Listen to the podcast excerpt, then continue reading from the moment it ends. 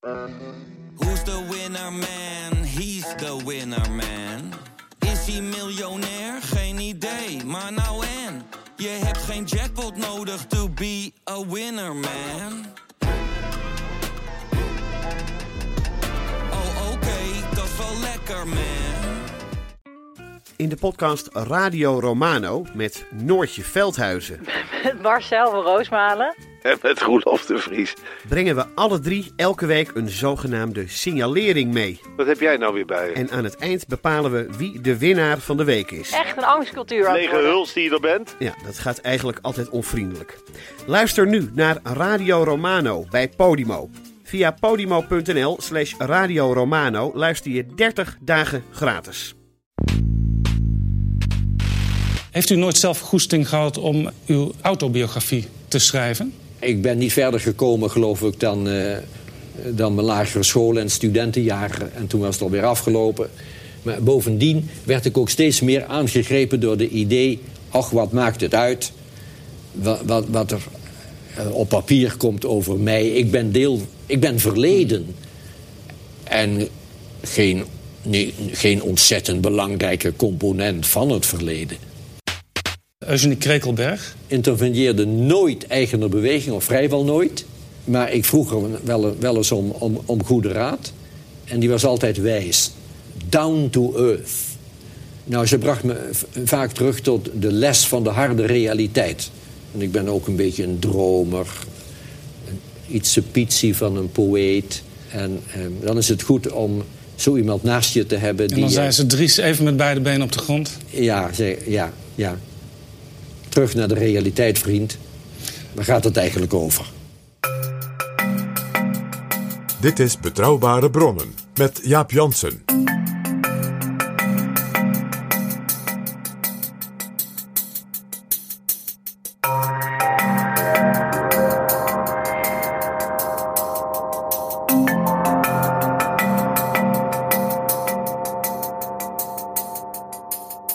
Welkom in Betrouwbare Bronnen, aflevering 401. En welkom ook PG. Dag Jaap. PG, wij hoorden zojuist Dries van Acht uit een gesprek dat ik met hem had in 2008 voor de televisiezender Het Gesprek, die slechts een paar jaar bestaan heeft. Hij sprak in het fragment over zichzelf en over zijn vrouw Eugenie.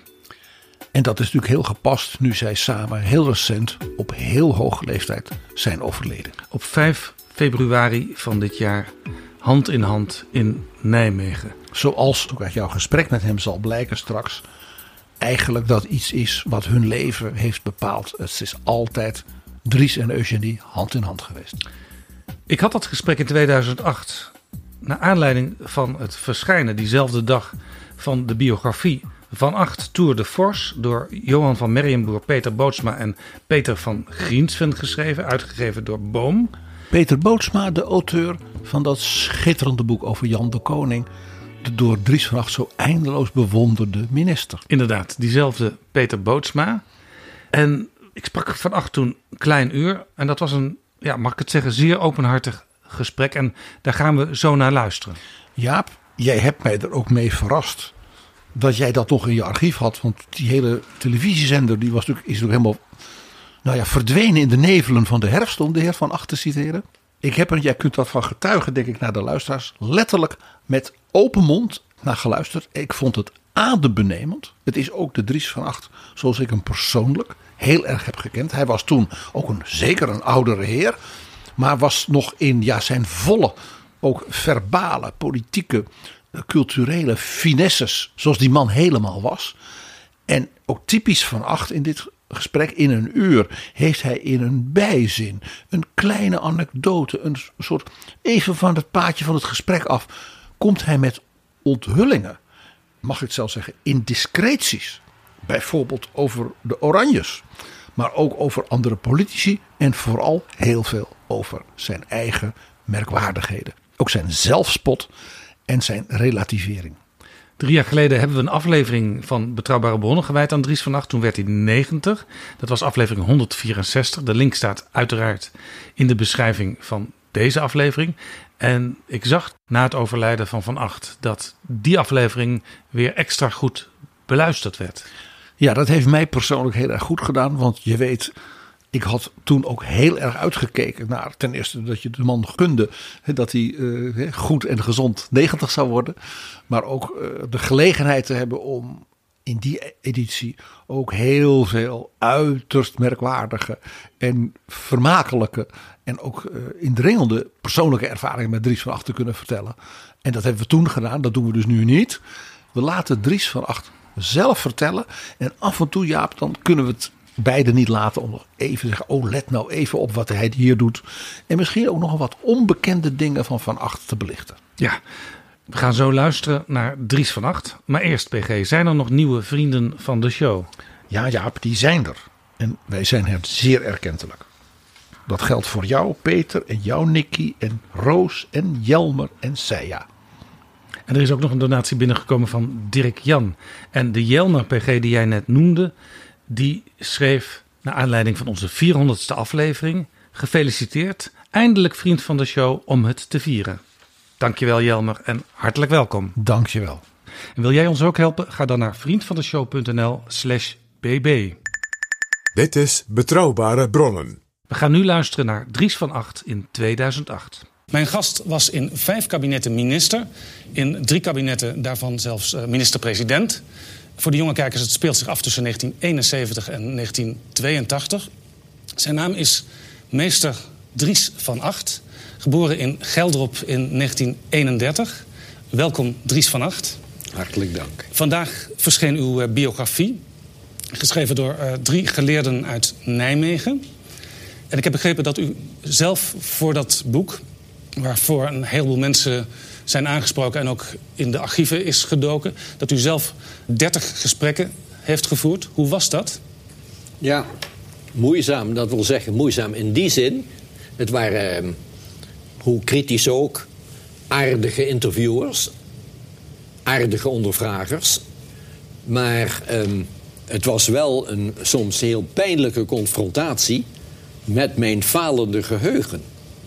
Het kwam nogal eens voor dat zij mij vragen stelden waarop ik een enkele maal helemaal geen, maar veel vaker maar gedeeltelijk, fragmentair antwoord ter beschikking had.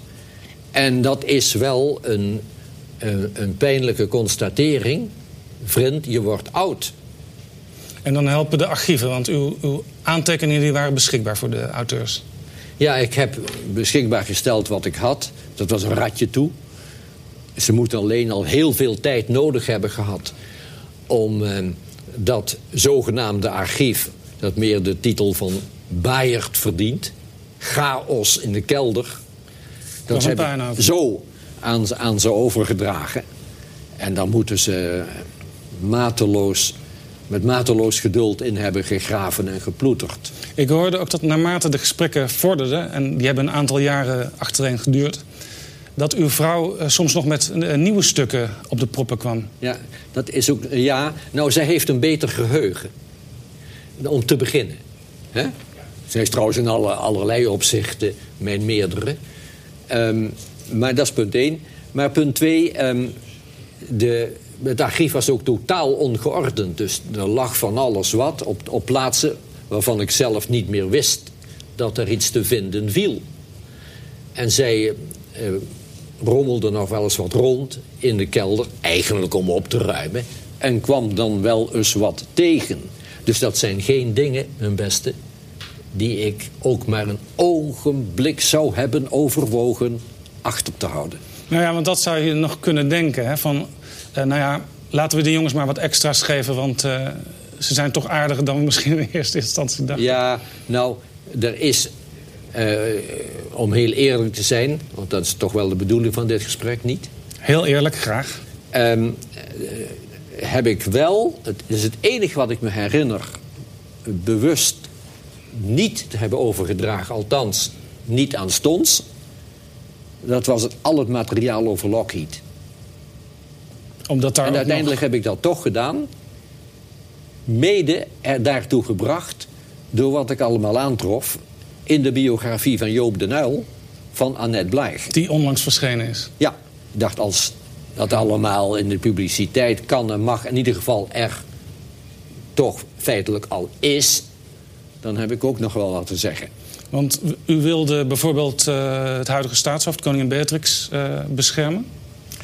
Ja, nou, eh, ik, ja, de, de monarchie. Um, uh, hoe, meer, um, hoe meer informatie over de gebeurtenissen van toen... hoe, hoe pijnlijk in ieder geval voor uh, de leden van het Koninklijk Huis. Want het ging om één van hen. Ja. Nou, nou, ik vond dat ik daar zo sober mogelijk in behoorde te zijn en te blijven. En het verhaal in die Lockheed-affaire... Uh, de prins uh, bleek ontvankelijk te zijn geweest voor giften, zeg maar smeergeld. In die periode zou ook gespeeld hebben dat koningin Beatrix had meegedeeld aan premier Den Uyl... of had laten weten dat als het allemaal te ver zou gaan... als bijvoorbeeld de prins, prins Bernhard, strafrechtelijk vervolgd zou worden... dat zij in ieder geval niet beschikbaar was voor de troon... Heeft u dat destijds ook meegekregen? Uh, dat zong rond in en rond het katshuis. Maar het is bij mijn beste weten nooit uitdrukkelijk besproken in enig kabinetsberaad. Maar dat is ook logisch, want eigenlijk alles wat de koningin of de kroonprinses in dat geval zegt, daar mag je in de ministerraad eigenlijk niet over praten. Hè? Er, is, er is een heilige regel dat het uh, overleg tussen de minister-president en de koningin... ik moet het natuurlijk andersom zeggen, tussen de koningin en de minister-president... Uh, hoogst vertrouwelijk is.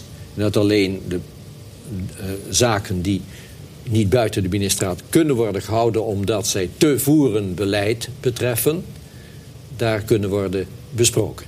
Maar het zong rond, dus er zal wel een kern van waarheid in zitten. Beatrix uh, zou het voor gezien hebben gehouden als het te ver zou zijn gegaan met Bernhard.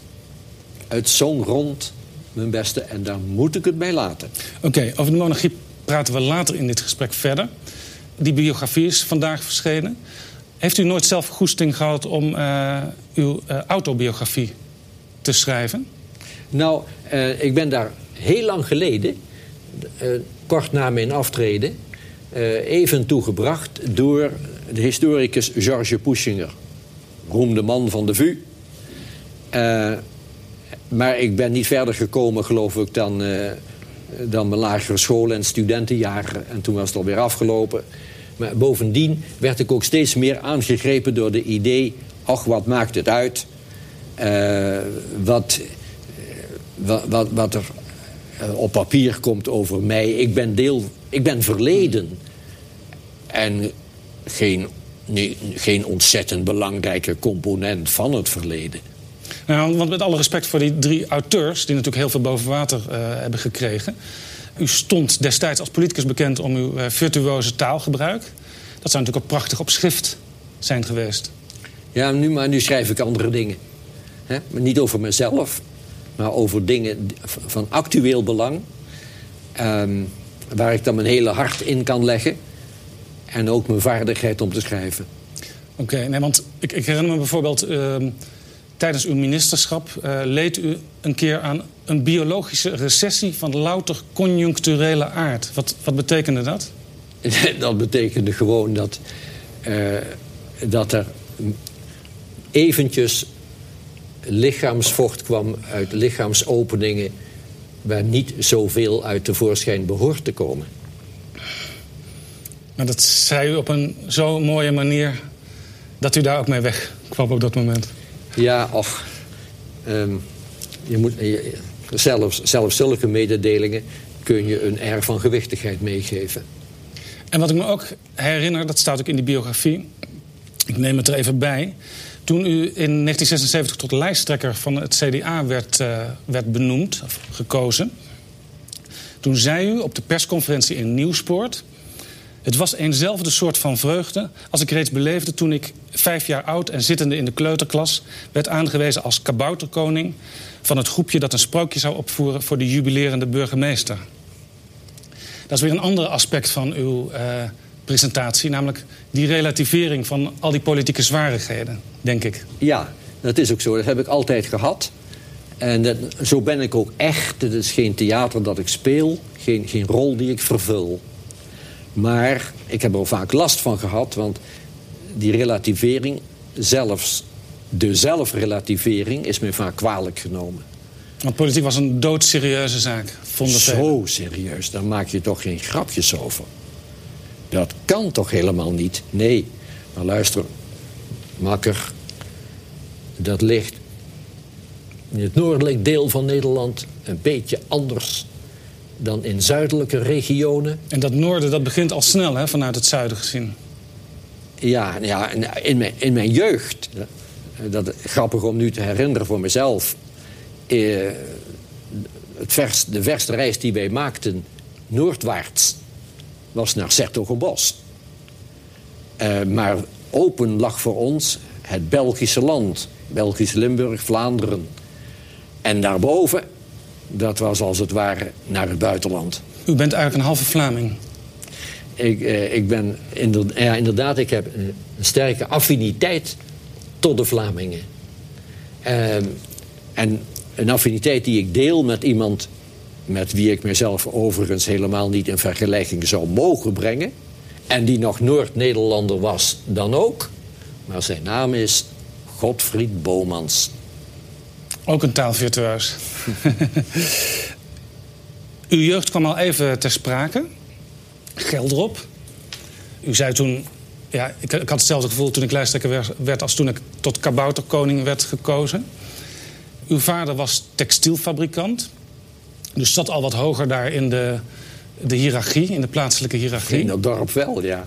En dat bracht met zich mee dat u ook al snel tot leider werd aangewezen bij dat soort uh, gelegenheden? dat, zou, dat zou best zo gewerkt kunnen hebben.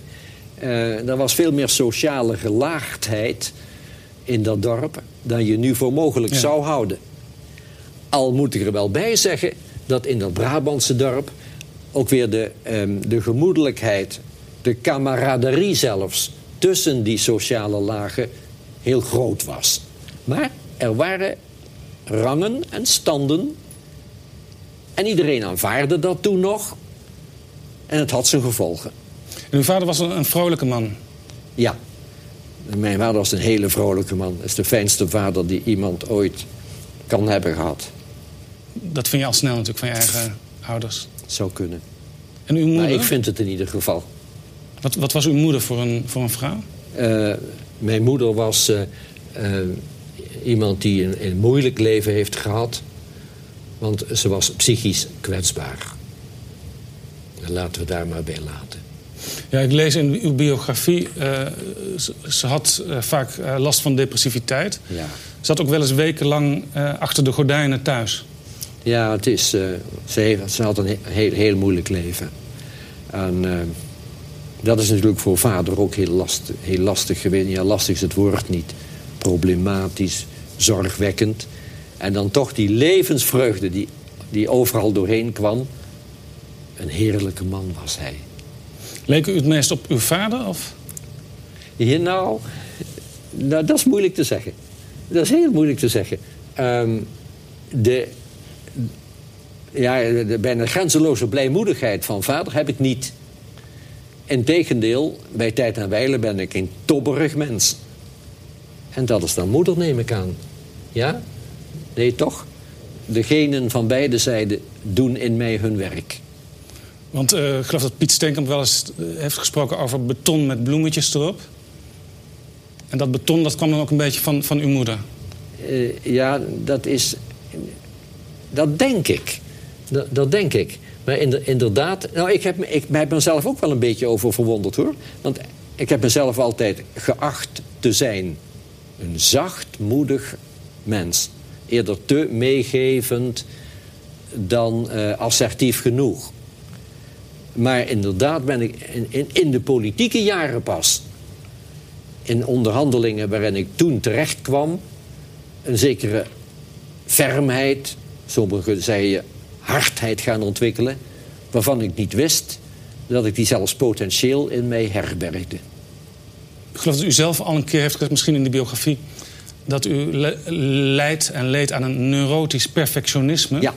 En dat zou ook aan uw moeder toe te schrijven zijn. Dat zou kunnen.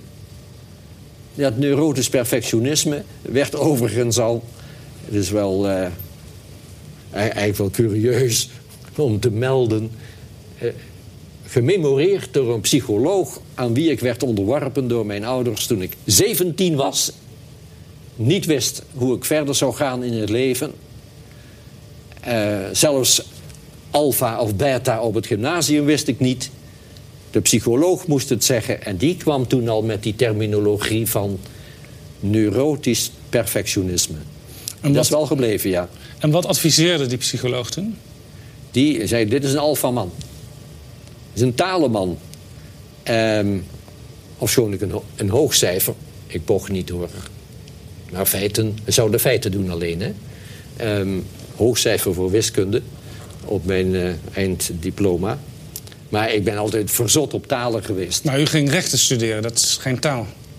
Nou, dat is zo. Dat is, nee, recht is geen taal. Uh, maar uh, ik, dat, dat zat er ook, ik denk ook een beetje hereditair in. Grootvader uh, was kantonrechter. Vond dat prachtig. Liet daarvan uitvoerig blijken hoe belangrijk dat ambt was. En, en hoe gewichtig voor de maatschappij diens werk in Helmond. Ja. Uh, daar heb ik misschien een tik van meegekregen. Want ik snuffelde wel eens rond toen uh, uh, in zijn bibliotheek... waarvan ik natuurlijk helemaal niets begreep... maar ik heb dat allemaal gezien en zeer gewichtig gevonden. Maar in dat juridische kun je natuurlijk ook die neiging tot perfectie... Zeer sterk. Die leent zich daar opperbest toe, dat is waar. En, natuurlijk, en in, het, in, het, in, in het juridische vak is het een, een kwaliteit van groot belang... als je die kunt ontwikkelen om exact, precies, feilloos zo mogelijk te formuleren. En later in de politiek kwam dat u natuurlijk ook ter stade. Ja. U was als jongetje ook een driftkop. Ja. En dat, dat, dat is aardig voor elkaar gekomen, of niet? Na, ja, en de rand. wat ik ook begrijp uit uw biografie... is dat uw prachtige taalgebruik... dat dat ook een soort uh, façade is om dat driftige een beetje in te tomen...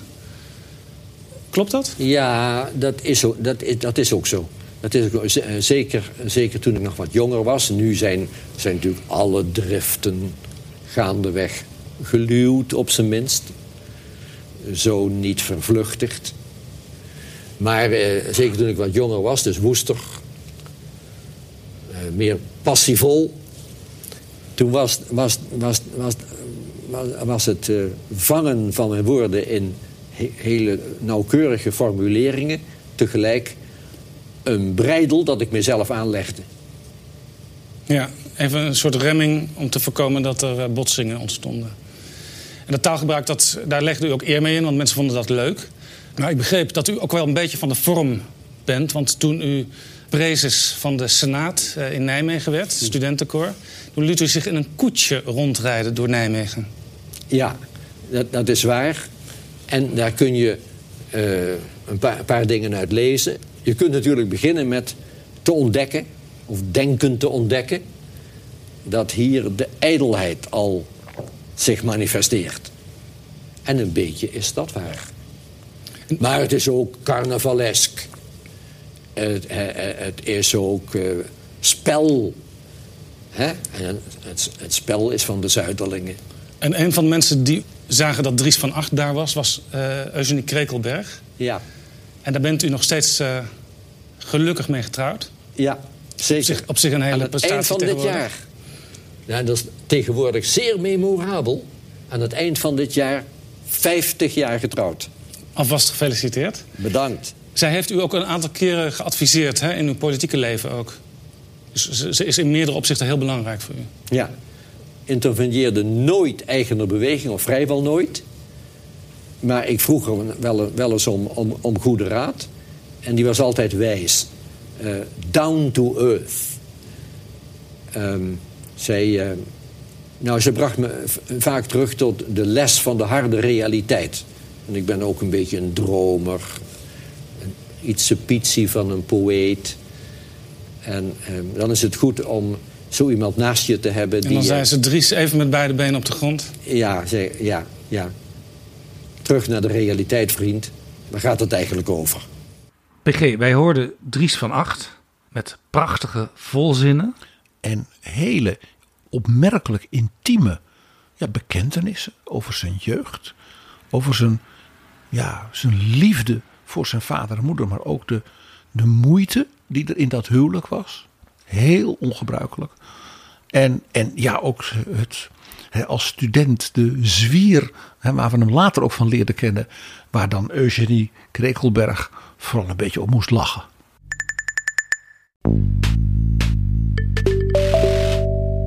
Dit is Betrouwbare Bronnen, een podcast met betrouwbare bronnen.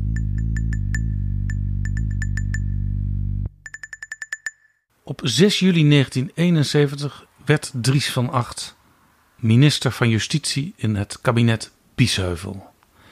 Hij gaat de politiek in, de landspolitiek. En hij was voor een minister zeker op die post heel jong. Hij was 40 net. Ja, en justitie was juist een post waar vaak, ik zal maar zeggen, mensen met een grote reputatie en wat, wat, wat oudere heren, natuurlijk altijd heren, hè, zouden komen. Dus men vond hem dus heel jong, met dat Caesar-haar, zoals dat werd genoemd. En Dries heeft zelf een keer tegen mij gezegd: Ja, waarom werd ik minister? Dat was omdat ik hoogleraar was. En de partijvoorzitter van zijn partij, de Katholieke Volkspartij, was een medestudent in Nijmegen. De ook op een andere manier weer onvergetelijke Fons van der Stee, later minister van Landbouw en minister van Financiën. Ze hebben samen ook uh, in de senaat van het Nijmegen Studentenkoor gezeten. En dus ook samen in meerdere kabinetten. Fons van der Stee, daarvan zei Joop den Uil, die erg van Fons van der Stee hield. Het is het enige fonds dat nooit opraakt. En Van der Stee heeft over Van Acht gezegd. Hij was de eerste feminist in dit land, want Van Acht die stond erop om vrouwen toe te laten tot het traditionele studentenkoor, wat nergens toen gebruikelijk was. Het was een studentenkoor Carolus Magnus. Dus Karel de Grote, de, keizer die Nijmegen zo belangrijk maakte. En daarmee kon Eugenie dus ook lid worden van dat koor. Jaap, Dries had ook natuurlijk zo zijn bijbedoelingen. Dat was toen al misschien een beetje een politicus.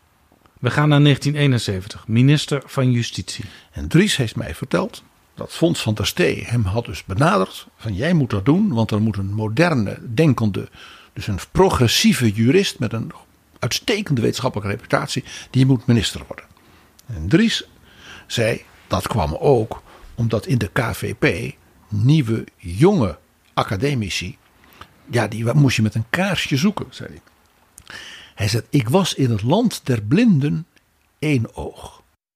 Maar ik had niet eens een oog, maar dat konden zij niet zien. En zo, met deze ook alweer zelfspot, hè, werd Van Acht minister. En dit heeft die merkwaardige manier van over jezelf praten, het imago van Van Acht in zekere zin tot zijn dood in hoge mate bepaald. Maar wie dieper graaft, die komt heel verrassende dingen tegen. Bijvoorbeeld, Van Acht had een soort pose dat hij de politiek maar moeilijk en zwaar vond. En dat hij eigenlijk van huis uit een beetje lui was. Hè, een beetje een dromer. Dat was hij natuurlijk ook. Maar er was ook een hele andere kant aan Van Acht. Ik sprak deze dagen iemand die met Van Acht heeft gewerkt in de ministerraad. En die zei, natuurlijk Van Acht deed in zijn eerste kabinet met Wiegel alsof hij er s'morgens heel lang uitsliep en dat dan Wiegel voorzat. Dat is misschien een enkele keer gebeurd. Maar dat was vooral om uit te stralen, ik neem het premierschap niet zo belangrijk. En Hans, dus de vicepremier, is bijna net zo belangrijk als ik. Dat was dus een manier om de VVD te pleasen als coalitiepartner. En dat was nodig, want dat kabinet had maar één of twee zetels meerderheid. Ja, dus dat was politiek heel slim. Toen hij later in een kabinet met Den Uyl kwam. Toen gebeurde er iets heel anders. Dus toen Dries zelf de premier was en Den Uyl de vicepremier. Toen liet hij niks aan Joop Den Uyl over.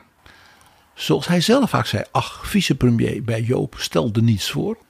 Toen hij dus premier was en Joop en Jan Terlouw vicepremier. Toen zei dezezelfde medewerker van de ministerraad, Dries was er altijd en hij was er eerder dan alle andere ministers in de treffenzaal, want daar werd toen vergaderd. Hij kende zijn dossiers van A tot Z.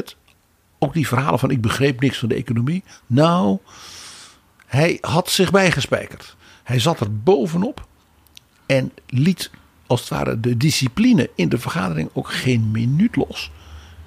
En het interessante was, zei hij, dit was mede ook ingegeven door de PvdA-ministers. Want er waren mensen bij als Jos van Kemerade... die natuurlijk met Van Acht in het kabinet Den Uyl hadden gediend onder oom Joop. En die wisten dat als Den Uyl nu weer, als daar als vicepremier... Van Acht zou vervangen, dan wel van alles zou doen... dat het dan weer niet zou ophouden, het gedoe. Dus de strakke, bijna juridische manier van doen van Van Acht de vergadering kort houden, to the point houden. Dat was dus iets wat ook die P van de A-ministers heel erg van hem verlangden. Een heel opmerkelijke kant van Van Acht, die lang niet iedereen weet. Ik heb trouwens nog zoiets gevonden. Ja, heel apart. Wat mij zeer heeft getroffen was de overlijdensadvertentie, de rouwadvertentie van de provincie Brabant. Jij weet, Dries werd na zijn premierschap commissaris van de koningin. Ja, hij had al eerder commissaris-gouverneur in Limburg willen worden. Zijn droombaan was dat. In de stad van zijn vrouw Eugenie, Maastricht. Hij is zelfs al in het gouvernementsgebouw en de ambtswoning geweest om te kijken hoe mooi het erbij lag. Dat ging aanvankelijk niet door. Later werd hij wel commissaris van de koningin, maar toen in Den Bosch. En dat heeft hij maar heel kort gedaan. En de beeldvorming is dus dat hij een passant is geweest. En eigenlijk het helemaal niet leuk vond enzovoort. 1983, 1987. Dus dat is heel kort. Heeft ze eigenlijk in feite zijn eerste termijn niet eens afgemaakt. Ik lees voor wat dus de commissaris des Konings namens het provinciebestuur schreef. Dries werd na een lange loopbaan in de landelijke politiek in 1983 commissaris van de koningin in Brabant.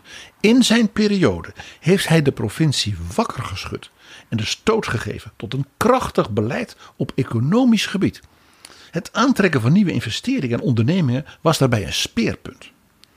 Het was een startpunt voor de ontwikkeling van het moderne Brabant. Dat waren de woorden van Ina Adema, de commissaris van de Koning in Brabant. Iedereen die iets weet van Van Acht, iets weet niet zoveel van economie, die denkt: dit is een kant van Van Acht die we niet wisten. De stoot naar het moderne Brabant, dus de organisatie van die provincie, is in die maar paar jaar dat hij daar zat, dus fundamenteel veranderd. Van Acht had gewerkt aan de Universiteit in Nijmegen. Hij had gewerkt op het ministerie van Landbouw en op het ministerie van Justitie als ambtenaar. En toen werd hij zelf tot het hoogste ambt op het ministerie geroepen. Hij werd minister van Justitie. En de legendarische secretaris-generaal van dat ministerie, de heer Mulder, die die baan ongeveer zijn hele leven had gehad, zal ik maar zeggen. Die kende dus de jonge ambtenaar Dries van Acht. Die dus zeg maar tien jaar later de minister wordt. En het verhaal gaat dat hij toen heeft gezegd: Dries, leuk dat je er weer bent. Nu moet er wel iets uit je poten komen. En Jaap, dat kwam er ook. Dries van Acht tegen ook weer het imago vaak van daarna. Was dus een enorme hervormer, een progressieve minister van Justitie, die op allerlei terreinen ja, dingen deed die in die tijd, begin jaren 70, als vruchten van zeg maar mei 68, ook in Nederland zijn doorgevoerd.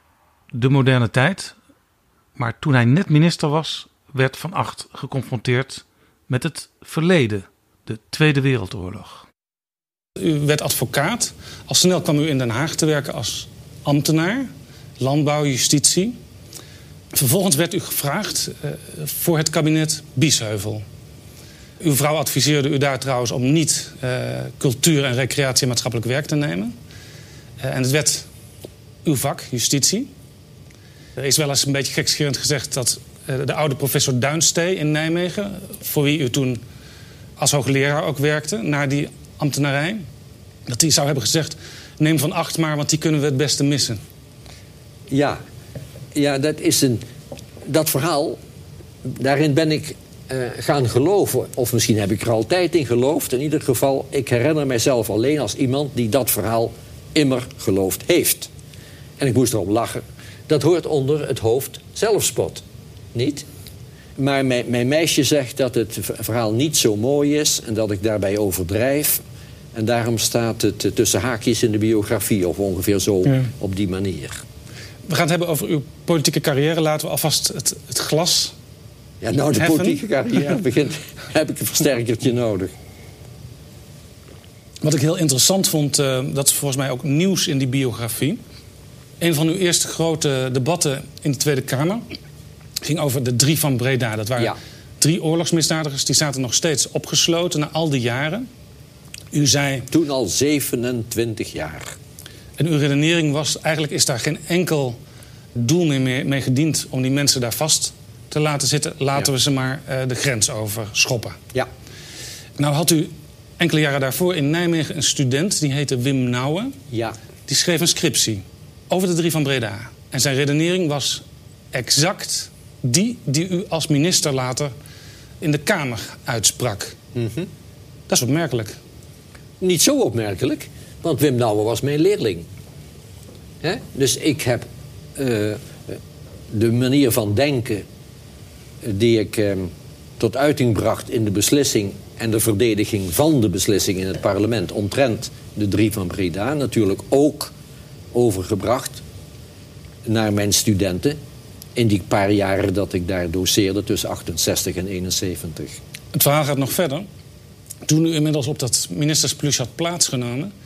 toen was uh, deze student uh, advocaat van uh, ja. Cotella geworden. En Cotella was een van die drie. Ja. Dat is wel heel dichtbij dan. Ja, dat is puur toeval. En ik heb, maar ik heb me nooit gesproken meer in die tijd. Hoor. Ik heb hem, nadat, die, uh, nadat we beide Nijmegen hadden verlaten, had ik, heb ik hem nooit meer gesproken. Dus met name heeft hij mij nooit benaderd over Cotella. Van, nee. Zou je nou niet... Of, dat, die factor is nee. er niet. Dus het was zeg maar een zuiver juridische ja. uh, redenering. Ja. Uh, in die tijd maakte u ook kennis met hoe de pers werkt. Want op, ik geloof, een, een, een eerste kennismakingsborrel liet u zich ontvallen. En u bedoelde dat eigenlijk niet serieus. Zelfspot was het. Het is lastig voor mij om deze zaak aan de orde te stellen, die vrijlating van die drie van Breda. Want anders dan mijn voorganger, dat was Karel Polak. Karel Polak. Nou ja, naam Polak zegt het eigenlijk al. Ja. Is het moeilijk voor mij, want ik ben een Ariër. Ik ben maar een Ariër. Daar heb je de zelfspot. En vervolgens kwam dat in de krantenkoppen terecht. Ja, uh, dat, dat woord Ariër uh, was en is een zwaar belast. En ik had het dus niet behoren te gebruiken. Het gebeurde in een ambiance van uh, uh, oude jongens krentenbrood... kleine groepjes aan tafeltjes met borreltjes en een hapje... en gezellig kletsen. Ja. En dan kan zoiets gemakkelijker gebeuren. En als dan de volgende ochtend dat ene woord... weggehaald uit die context... pas verschijnt op de voorpagina's van de kranten... dan is de zaak natuurlijk enorm uitvergroot. Het is een enorme zaak geworden. Ik heb er heel veel uh, problemen mee gehad, politiek en ook voor, met mezelf. Ja, enorme uh, kamerdebatten volgden toen. Enorme kamerdebatten, maar ik, ik heb er toch... Uh, dat, dat Ariër-incident is toen de wereld uitgewerkt. ik heb er eerlijk op geantwoord dat ik dat stom ben geweest... een onzalig woord gebezigd, dat niet behoorde te gebeuren... En ik heb een beetje uitgelegd hoe het heeft kunnen gebeuren. En daar heeft de politiek van toen volledig genoegen meegenomen. Daarom is het zo jammerlijk dat nu 35 jaar later, 36 jaar later, bepaalde kringen in Nederland daar weer misbruik ja, van want die leggen dan een verband met uw incident. strijd voor de Palestijnse Juist. zaak, wat natuurlijk niet kosher is, om dat woord maar te gebruiken. Nee, absoluut niet. Laten we, laten we Dat nu deugt niet. ook over zwijgen dan. Uh, betekende dat wel uh, dat uw relatie met de pers sindsdien wat meer op uw hoede was? Ja, zonder twijfel. Je, je, je verliest je om een stuk, in ieder geval een deel van je onbevangenheid. En dat is jammer. Maar je moet wel. Um, en de pers is, is, is gaandeweg negatiever over mij geworden... naarmate ik meer tot lastpak verwerd in het kabinet en uil. Want de pers was in overwegende mate progressief, dus links georiënteerd. En heel enthousiast natuurlijk over uh, die geweldige Den Uil... die dat Ja. eerste kabinet kreeg. En de, en de held ten uil werd voortdurend gefrustreerd, al nou voortdurend, te vaak. Door, door, de, door dat jochie uit, uit Nijmegen, die in de politiek toch pas nauwelijks kwam kijken. Waarvan ze oorspronkelijk nog dachten in progressieve kringen... dat is een van ons. Die is ook progressief, die van In sommige opzichten was ik dat ook. En ben ik het nog. Daar gaan we zo over doorpraten. Het is eerst tijd uh, voor de advertenties. En daarna praten we door over uw relatie met Den Uil. Ik ben ook nog benieuwd hoe u destijds kon vinden, of misschien niet, met Ruud Lubbers. We gaan ook nog praten over de koninginnen met wie u gewerkt heeft. en over hoe u naar de politiek van vandaag kijkt.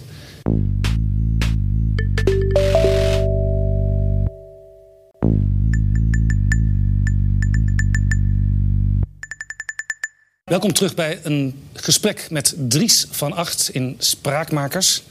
Meneer van Acht, uh, prettig dat u er bent. We hadden het zojuist al eventjes over uw start in de politiek in het kabinet Biesheuvel. Vervolgens kwam u in dat kabinet Den Uyl terecht. Wordt nog altijd als het meest progressieve kabinet aller tijden gezien. Daar kreeg u al snel gedoe met de Tweede Kamer en met uw coalitiegenoten over de abortuskwestie. Want uw redenering was als jurist... we hebben wetten en die wetten moeten we naleven. Er was een uh, kliniek, Bloemenhoven, in Heemstede. En daar werden zelfs vrouwen in de twintigste week van de zwangerschap uh, geaborteerd. En u zei dat kan niet, want twaalf weken is de grens... en bovendien zijn er hele strenge voorwaarden. Dus u wilde de wet handhaven. Nou, heel veel gedoe. Irene Vorink, minister van Volksgezondheid, zat met u aan tafel in het kabinet. Belde met de actievoerders in Heemstede. Er zaten zelfs de dochters van premier Den Uyl te demonstreren. Kortom, heel veel gedoe. Toen kwam u op een gegeven moment met de leus het ethisch revij. Er moet een nieuw ethisch revij in Nederland komen. Wat bedoelde u daarmee? Ik bedoel daar het, het volgende mee. Um, er is, um, vond ik, en vind ik eigenlijk nog... een teleurgang van een, van een aantal um, belangrijke waarden en daaruit voortvloeiende normen. En, en gebleken is wel uit ervaring dat je die niet overeind kunt houden in een maatschappij wanneer die waarden en normen niet langer door een meerderheid, grote meerderheid van de samenleving worden gedragen. Dat deed zich in de abortuszaak voor. De, daar in die wet die toen nog gold, was abortus altijd verboden. Vanaf de eerste dag van de zwangerschap. Maar dan zou je zeggen, dan moet de wet juist versoepeld worden. Nou, ja, nou ja... Uh, ik heb er uiteindelijk mee ingestemd dat de abort abortuswet aanmerkelijk werd uh, versoepeld, zo, zo je dat wil. Maar u stond op dat moment, meer mogelijkheden kwamen. U stond op dat moment te boek als de grote boeman van ja, toen, de vrouwenbeweging. Ja, zoals u zei zelf al, ik was minister van Justitie. En de, daar, daar, lag een wet, die, hè, die was er toen nog. Abortus is een misdrijf. In alle fasen van de zwangerschap. En ik kon het als minister van Justitie onmogelijk uitleggen, ook niet aan mezelf, dat we die wet zomaar massaal overal in het land zouden laten schenden. Alsof die niet bestond. Op een gegeven moment heb ik gezegd, weet je wat we doen? Uh, de vroege abortussen laten we daar maar ongemoeid. Maar er moet toch wel ergens een grens worden getrokken. Nou, waar trek je die grens? Is altijd iets willekeurigs aan. Maar laten we zeggen twaalf weken. Want daarna zijn andere, veel ingrijpender technieken nodig... om de zwangerschap te beëindigen. En dat was, Bloemenhof was de eerste die dat deed, de vergevorderde zwangerschappen stuk maken. Ja. Daar trok ik mijn lijn, daar wilde ik ingrijpen. Dat is mislukt. Achteraf zeg ik, zei ik toen en nu... het blijkt dat normen die in de samenleving niet meer leven... die niet meer worden ondersteund... ook niet door de meerderheid van de artsen in dat geval... die zijn niet te handhaven ethisch revij is nodig om die normen opnieuw te doen leven in de harten en overtuigingen van de mensen. Dus het moet uit de mensen zelf Juist. komen. Dat is de wetgever die kan essentie dat niet van het doen. ethisch revij. Een herleving van normbesef bij de burgers zelf. Ja. En daarmee met dat ethisch revij scoorde u heel goed bij de achterban van het CDA. Eh, ook bij de protestanten, die natuurlijk toch ver van zeg maar, uw cultuur-katholieke kant eh, afstaan. Maar dit ging erin als, uh, als koek. Zelfs in Staphorst.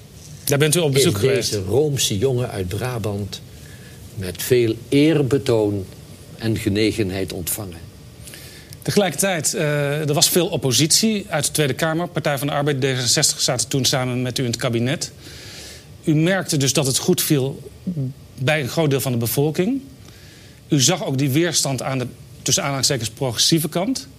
Daar werd een politiek leider geboren. Kan ik het zo samenvatten? Ja, anderen hebben dat zo genoemd. Ik, ik heb uh, toen al moeten lachen om die term politiek leider. En nog altijd moet ik er minstens om glimlachen. Want ik werd in een positie geplaatst door anderen die ik niet had gezocht... en waarvoor ik mezelf ook eigenlijk niet helemaal geschikt vond. Maar vooruit dan maar. Uh, make the best of it. Dat was eigenlijk het motto.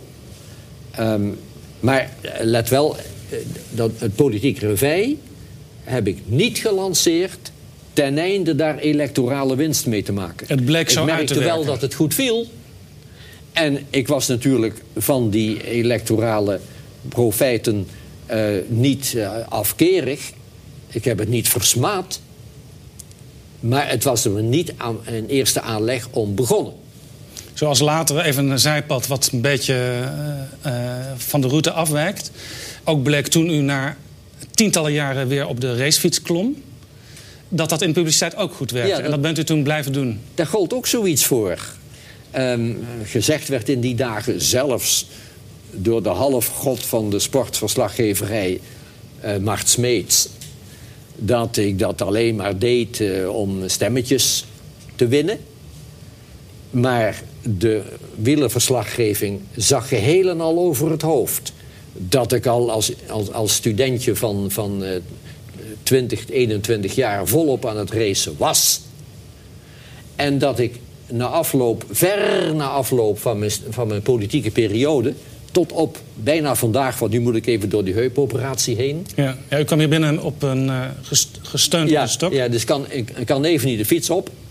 Maar uh, jaar, vorig jaar nog ben ik uh, naar de Pyreneeën ja. gefietst. En het jaar daarvoor, kort daarvoor, naar Kiev.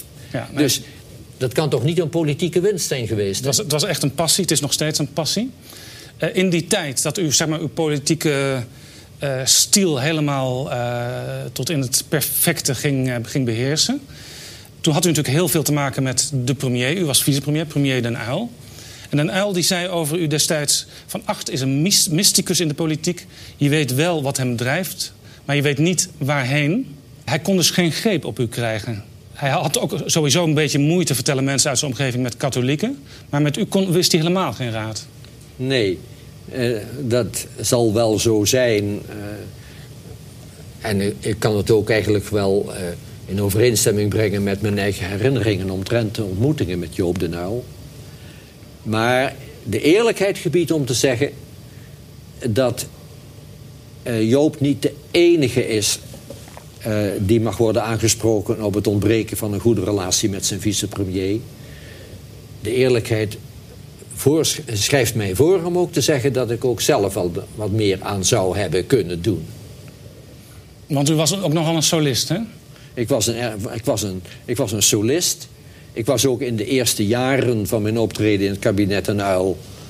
Uh, een beetje vreesachtig omtrent Joop de Uyl. Want die zou mij toch in alle opzichten kunnen, kunnen voorbijlopen en overtreffen. Um, in de schaduw stellen.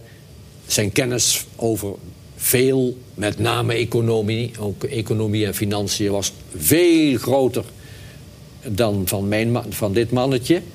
Maar dus ik ontliep hem soms ook wel een beetje. Dat moeten we er wel bij zeggen.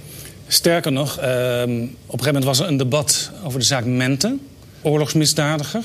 Die plotseling het land uit vertrok toen er publiciteit over hem was. Er had een papier op uw, eh, een envelop op uw bureau gelegen met daarop heden. Heel belangrijk dus. Dat had u over het hoofd gezien. De man was gevlucht. Groot Kamerdebat. Daar werd u zo aangepakt door de Partij van de Arbeid-fractie, door uh, Aad Costo...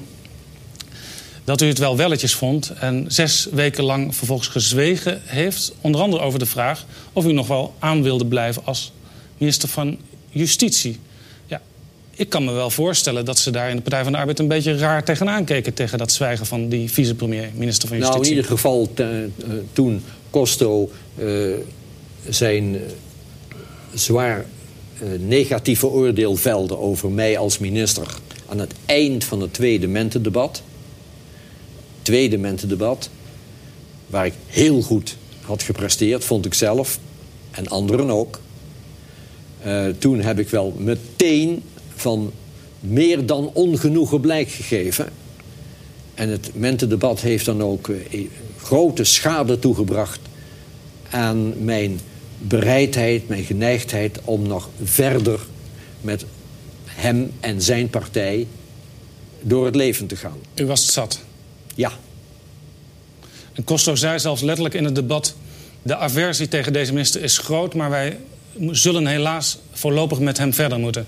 Want ja, dat kabinet moest nog ruim een half jaar uh, de rit uitzitten. Ja, en dat heb ik veroordeeld als een halfhartige houding. Als je als grote partij een aversie hebt tegen een minister op een kernpost... en justitie is dat... Mm -hmm. dan zeg je hem de wacht aan en je stuurt hem de laan uit. Maar je kunt niet zeggen, wij vinden u eigenlijk niks... maar blijft u maar even zitten nog... opdat Joop zijn kabinetsperiode kan volmaken. Dat is halfhartigheid, daar had ik alleen maar minachting voor. Dus toen was bij u uh, eigenlijk de streep getrokken... en hoefde het nog maar een kleine aanleiding te zijn... om dat kabinet ten uil te laten vallen? Er moest een aanleiding zijn. Kleine, laat niet zomaar een kabinet vallen. Maar in ieder geval uh, mijn animo om te knokken voor het kabinet dat er zat. En erger nog, sterker nog, mijn geneigdheid om all-out te gaan... om nog zo'n kabinet erachteraan te laten verschijnen... dat was wel ernstig ondermijnd, om het minste te zeggen. Toen volgden de uiteindelijk verkiezingen. Partij van de Arbeid werd de grootste. En toen ging u toch nog tegen uw humeur in... 210 dagen zitten onderhandelen met Joop ten Uyl en die andere trawanten. Ja, dat is, heeft die heel lange formatie 77. De geweest. langste uit de parlementaire geschiedenis. Ja, inderdaad. Maar luister, het kon ook niet anders. Het behoorde zo te gaan, want er was een verkiezingsuitslag in 77 die ehm, de PvdA tot grootste had gemaakt, veruit. En dus lag het voor de hand, meer dan voor de hand, dat die partij, onder leiding van Den Uyl dus... met het CDA en wellicht D66 erbij... dat die de nieuwe coalitie zouden vormen. Uh, iets anders lag helemaal niet in de reden... was helemaal niet in overeenstemming met de verkiezingsuitslag... die nogal duidelijk was. En dus moest een, hele, een, hele, een heel proces worden doorgemaakt... in groot lijden, ook voor de, de dadelijk betrokkenen... om duidelijk te maken dat zulk een kabinet toch niet levensvatbaar zou kunnen zijn.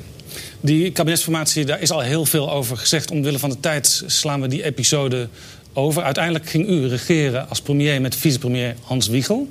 U was het eigenlijk in de kortste keren samen eens. Ja. Dat, dat, was ja, voor u uh, iets heel nieuws, dat dat ook kon. Over Wiegel heeft u ook al heel vaak lovende woorden gesproken. Ik wil het even over iets anders hebben. Belangrijk in het CDA destijds was ook Ruud Lubbers die was ook fractievoorzitter, werd op een bepaald moment fractievoorzitter. En ik heb wel eens het idee, ook als ik nu uw biografie weer lees, dat u. U had met Den Uylen een moeizame relatie, maar met Lubbers ging het ook allemaal niet zo gladjes. Heb ik dat goed? Ruud is niet geworden tot een van mijn grootste vrienden. Hoe kwam dat? dat? zij erkent om te beginnen. Um, wij, zijn, wij zijn samen als makkers, echt als kameraden, begonnen in het kabinet Den Uyl. Hij de jonge minister van Economische Zaken. Ik de iets oudere, maar ook nog tamelijk jonge minister van Justitie. Allebei uit de KVP toen nog. En vaak hebben wij elkaar gesteund, want we waren minderheid. De, de, de witte rand van Dus- het rode kabinet waren wij. Dat was een kwestie van de Moesten dingen heel goed elkaars doorspreken. handen wel vasthouden daar. Dat deden we ook. Maar eh, toen kwam de, eh, het CDA, dus de eerste, eerste lijsttrekker moest worden gekozen voor het CDA.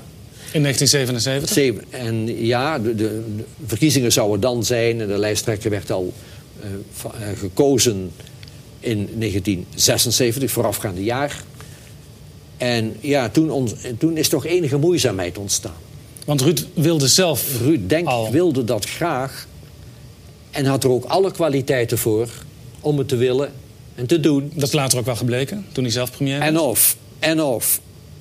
Maar en, en, ik, ik zocht dat helemaal niet. Ik heb zelfs heel lang er niet, niet aan de idee toegekomen dat ik daarvoor in aanmerking zou kunnen worden gebracht. Het overkwam u eigenlijk? Dat is mij totaal verrassend. Want ik had naar Limburg zullen gaan. Ik had gouverneur willen worden van de mooiste provincie des lands. En dat zat al in de in pen? de mooiste stad des lands. En dat Maastricht. is Maastricht. Zat al in de pen. Eh, uw vrouw Eugenie was daar ook zeer blij mee. Natuurlijk, want die is van Maastricht. Eh, maar ja, dat CDA dat ontstond eigenlijk als partij. Er waren drie fusiepartijen. En ze hadden iemand nodig die boven al die partijen uitsteeg. En dat bleek u te zijn. Ik was de enige over wie ze eh, geen ruzie maakten. Dus ik ben het geworden door het afstrepen van alle anderen. En Lubbers werd Ik ben dus... dus in zekere zin eh, een restkeuze. Dus er kwam een streepje door de naam Lubbers te staan voor die CDA-voorzitters. Ja, en andere namen.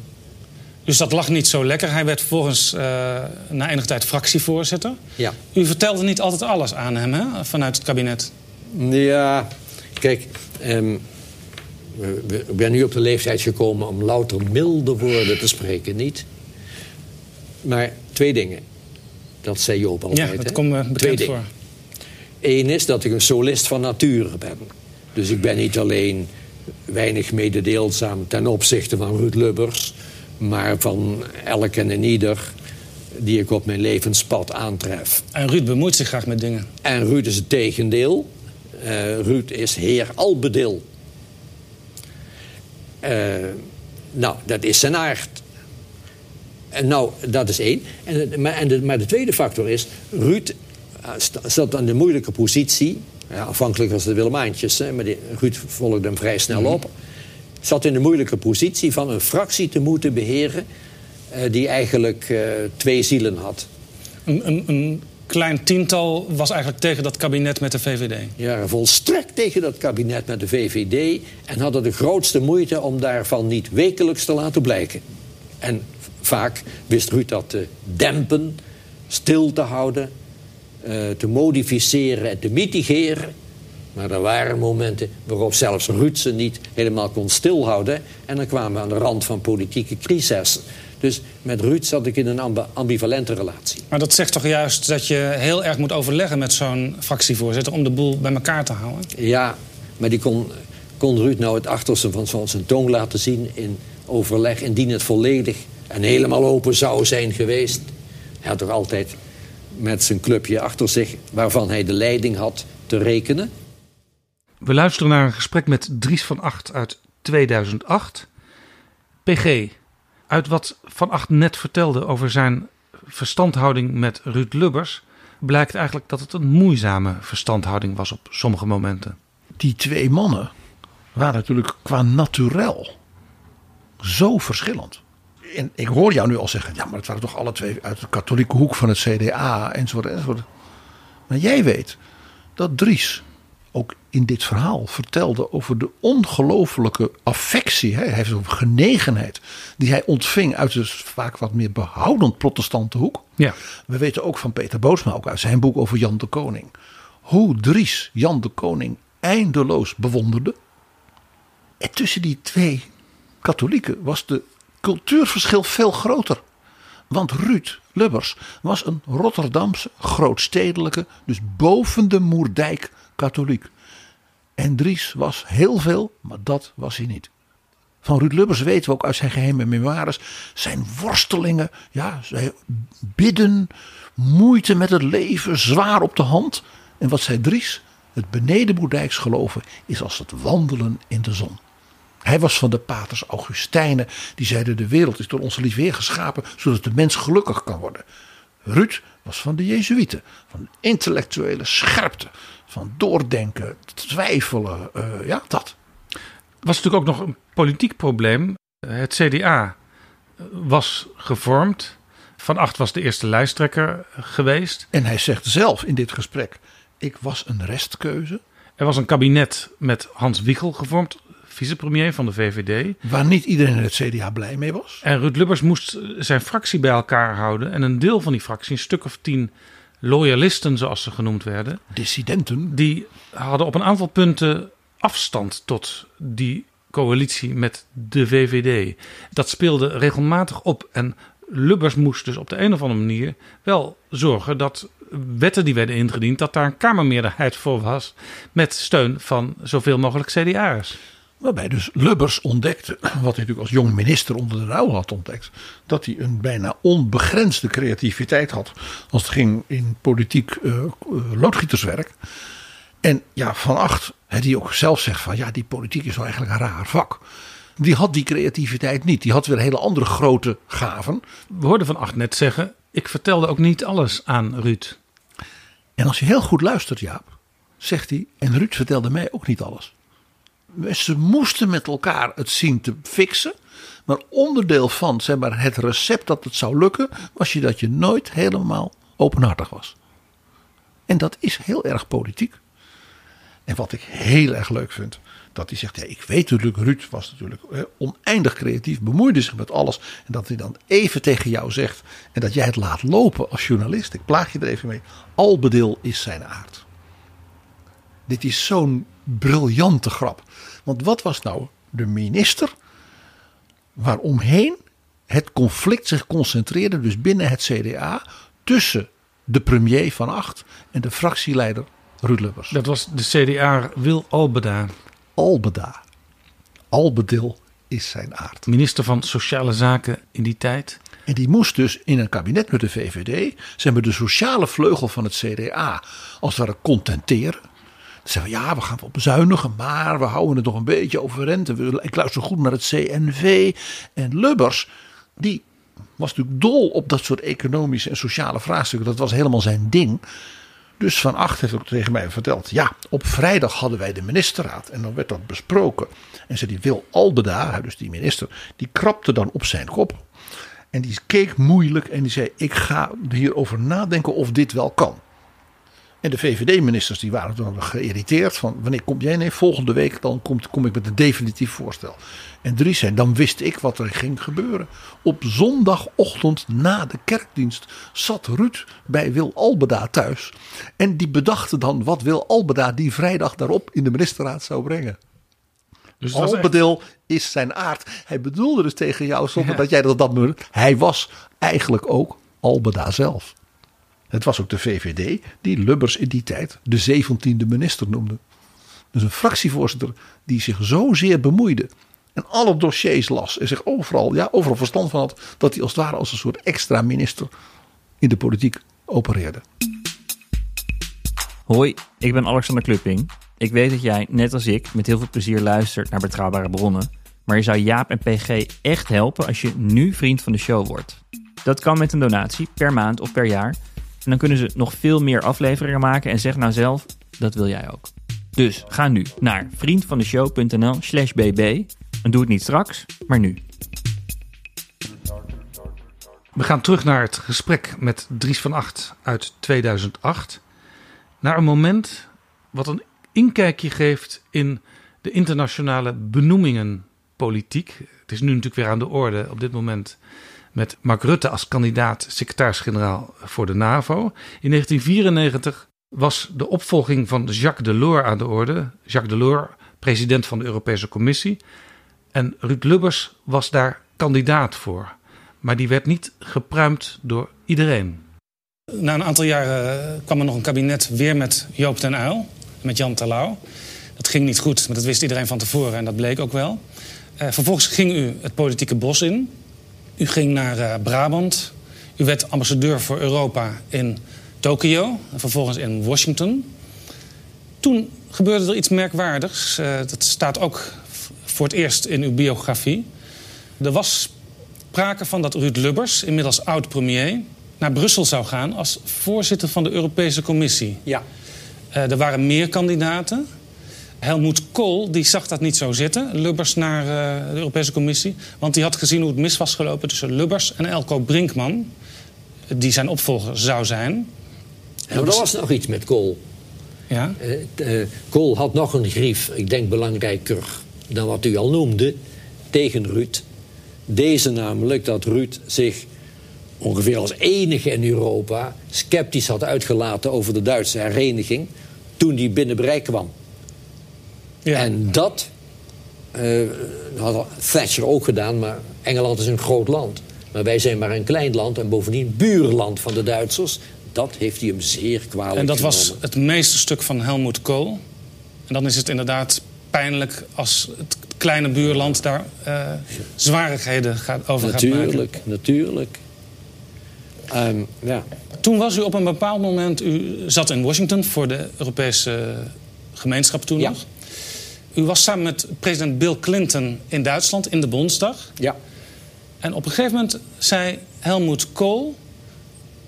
Het was nog steeds niet duidelijk wie er dan Europese Commissievoorzitter zou worden. Ruud Lubbers was afgeserveerd. Waarom der Andreas niet? En Andreas, dat was de naam die ze drie schaven in het buitenland. Dat is eigenlijk de, de naam waarin ik in de burgerlijke stand ben ingeschreven. Andreas De Antonius formele, Maria. echte naam eigenlijk. Het andere is een, verbijstering, een eh, verbastering. Ehm, ja, dat is gebeurd. En wat dacht u toen? Ja, ik kon wel door de grond zakken. Eh, je, weet niet hoe je... Niet, nou, te zeggen heb je sowieso niks. Ik wist niet eens hoe ik moest kijken. Eh, het gebeurde. Het overviel mij totaal. Hij smeet dat zo daar, daar, daar neer. voor- Vooral voor de voeten van Jacques Delors. Toen president van de Europese Commissie. Het gebeurde naar aanleiding van een gesprekje aangezwengeld door, eh, door Bill Clinton. Van wat gaan jullie doen met de commissie? Wie wordt straks hier eh, mijn gesprekspartner? Als Jacques Delors er niet Ja. meer zit. Of de En Bill gesprekspartner Clinton van kende u natuurlijk al. Clinton kende ik. Eh, die bemoeide zich daar natuurlijk verder ook niet mee. Was het, is ook, het is ook gebleven bij die, bij die ene uitlating van de bondskanselier, gastheer op dat moment. En u dacht niet, deze kans moet ik aangrijpen. Ik wil wel... Wel nee. Want u, u zat dan nee. natuurlijk al richting uw pensioen een beetje. Nee, absoluut niet. Nee, nee, ik, ik, nee, ik ben al zwaar onder de tafel gekropen. Dat zou natuurlijk wel een heel merkwaardig lot van de geschiedenis zijn geweest. Hè? Als u de plek, plek in had genomen die eigenlijk Ruud Lubbers voor zichzelf had bedacht. Ja, ja, ja het is voor, voor mij eh, te fantastisch, zelfs nu nog, om me helemaal voor de geest te zetten. Maar nou, in ieder geval, Ruud zou dat eh, beter hebben gedaan als hij het had kunnen krijgen.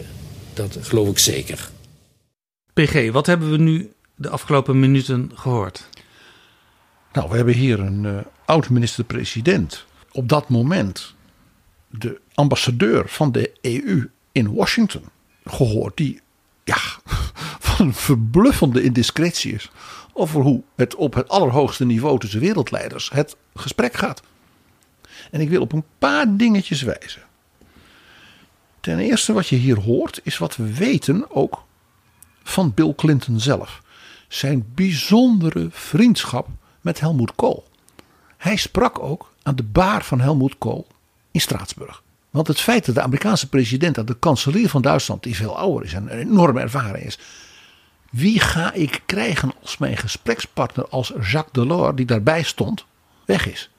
En dat hij denkt, de kanselier is de man, die heeft de wijsheid om de juiste vrouw of man nu te noemen. Ja, dat is dus eigenlijk vergelijkbaar met zoals Joe Biden op dit moment met Mark Rutte omgaat. Hij is in januari 2023 al op het Witte Huis geweest voor een soort sollicitatiegesprek, wat natuurlijk de buitenwereld niet wist. Maar toen heeft Joe Biden al min of meer het besluit genomen. Wat mij betreft wordt die Mark Rutte de nieuwe secretaris-generaal van de NAVO als dat in 2024 aan de orde zal zijn. En als hij wil. En als zo- hij mag van zijn land. En zo was dus destijds Bill Clinton heel nieuwsgierig. Wie wordt mijn permanente gesprekspartner vanuit Europa? Want dat was tot dan toe Jacques Delors. En dat is het tweede belangrijke punt om hier te noteren. Delors stond daar dus bij. Want Delors was in de fase van de val van de muur en de periode daarna door president Bush senior, ja, eigenlijk als een soort gelijke gezien. En daarmee de allereerste überhaupt president van de Europese Commissie die op dat niveau werd ingeschat, wat natuurlijk volkomen terecht is. Recent heeft natuurlijk Europa en zeker ook Frankrijk afscheid genomen van Delors.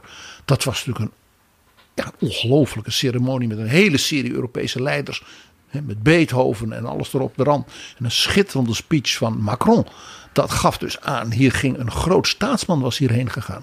En dat was dus in 94, toen hij dus tien jaar de Europese Commissie had geleid.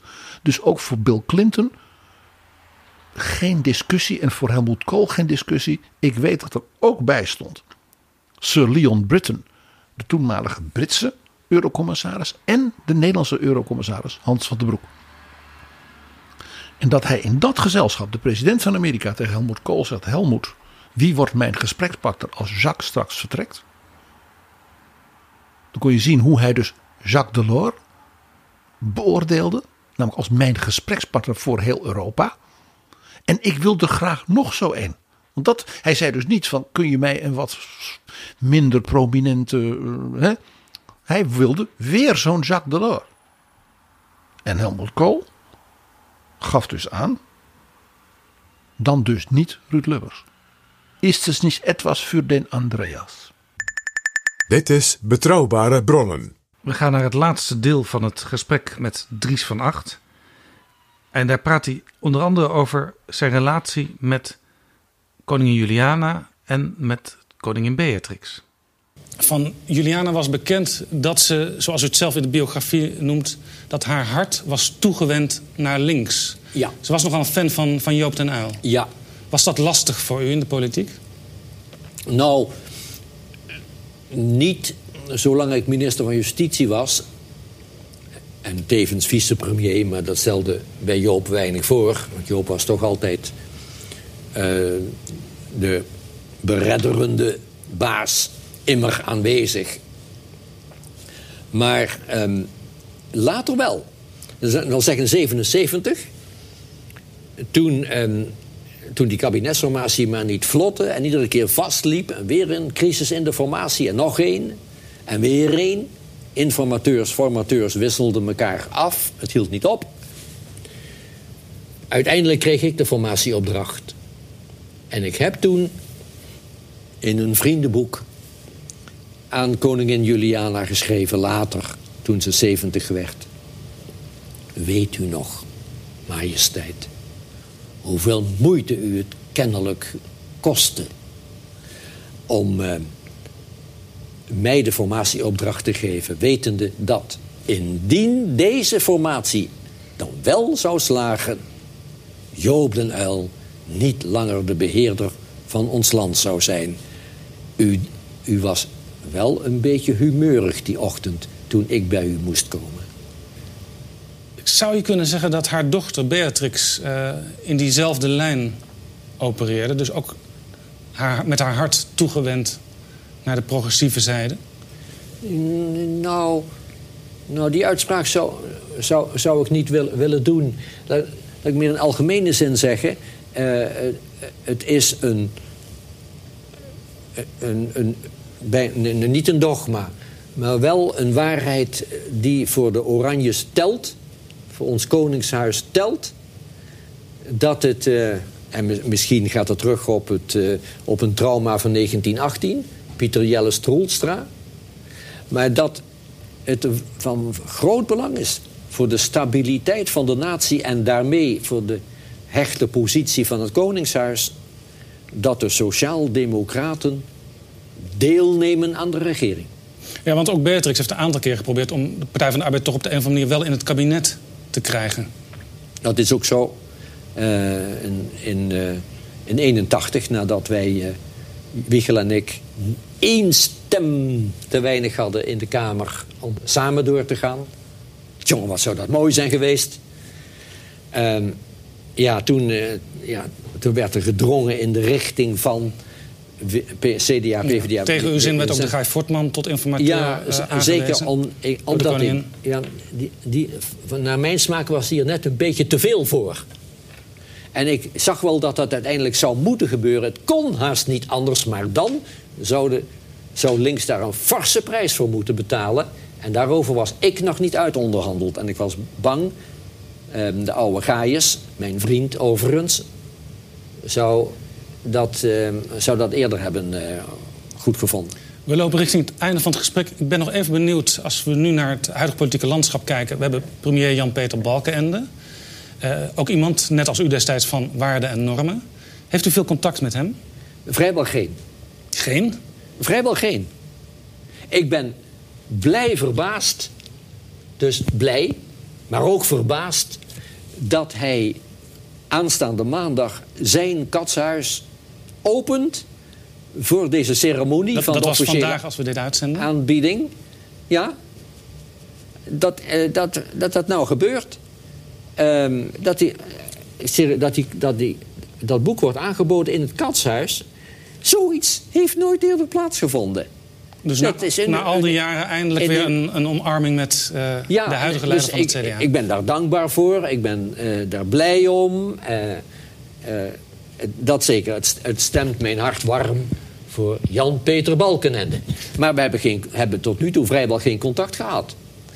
Dat is dan een mooi einde van, eh, van uw politieke verhaal. Opgeslagen in die biografie die vandaag eh, is verschenen in het Katshuis is gepresenteerd.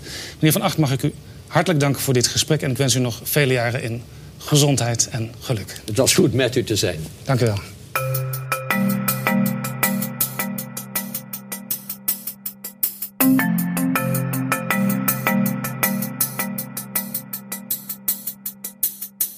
Zo, dit was Betrouwbare Bronnen aflevering 401. Gebaseerd op een gesprek dat ik had met Dries van Acht in 2008 voor de televisiezender Het Gesprek. Jaap, wat een onvergetelijk en prachtig gesprek. Wat zat hier veel in in een uur. Op de fiets naar Kiev.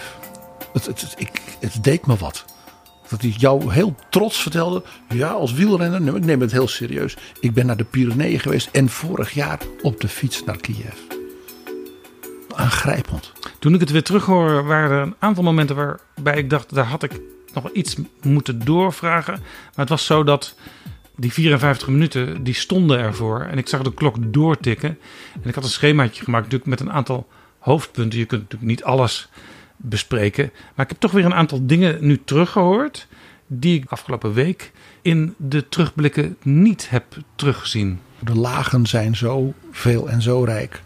Maar ik, eh, ik, ik wil niet anders zeggen dan ik, dat ik jou enorm wil bedanken voor dit gesprek.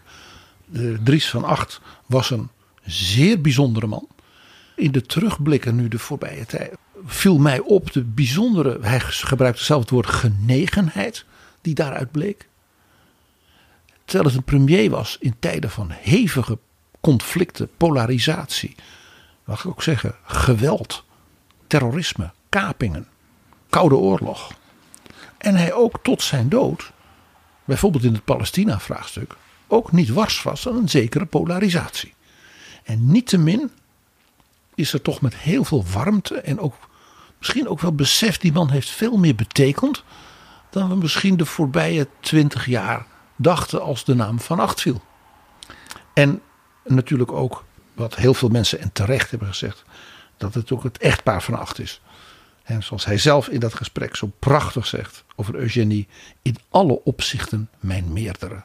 Dries van Acht, eigenzinnig politicus, paradijsvogel, wereldburger. Zo heet de aflevering 164 van Betrouwbare Bronnen. De link staat in de beschrijving van deze aflevering. Twee uur lang praten we daarover. Dries, je hoort dan ook een paar fragmentjes die je in dit complete interview hebt teruggehoord.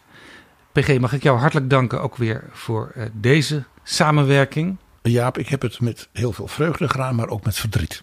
En ik dank natuurlijk ook onze donateurs die dit allemaal mogelijk maken. Wil jij ook vriend van de show worden? Ga dan naar vriendvandeshow.nl slash bb. U bent zeer welkom. Tot volgende keer. Betrouwbare bronnen wordt gemaakt door Jaap Jansen in samenwerking met dag en nacht.nl.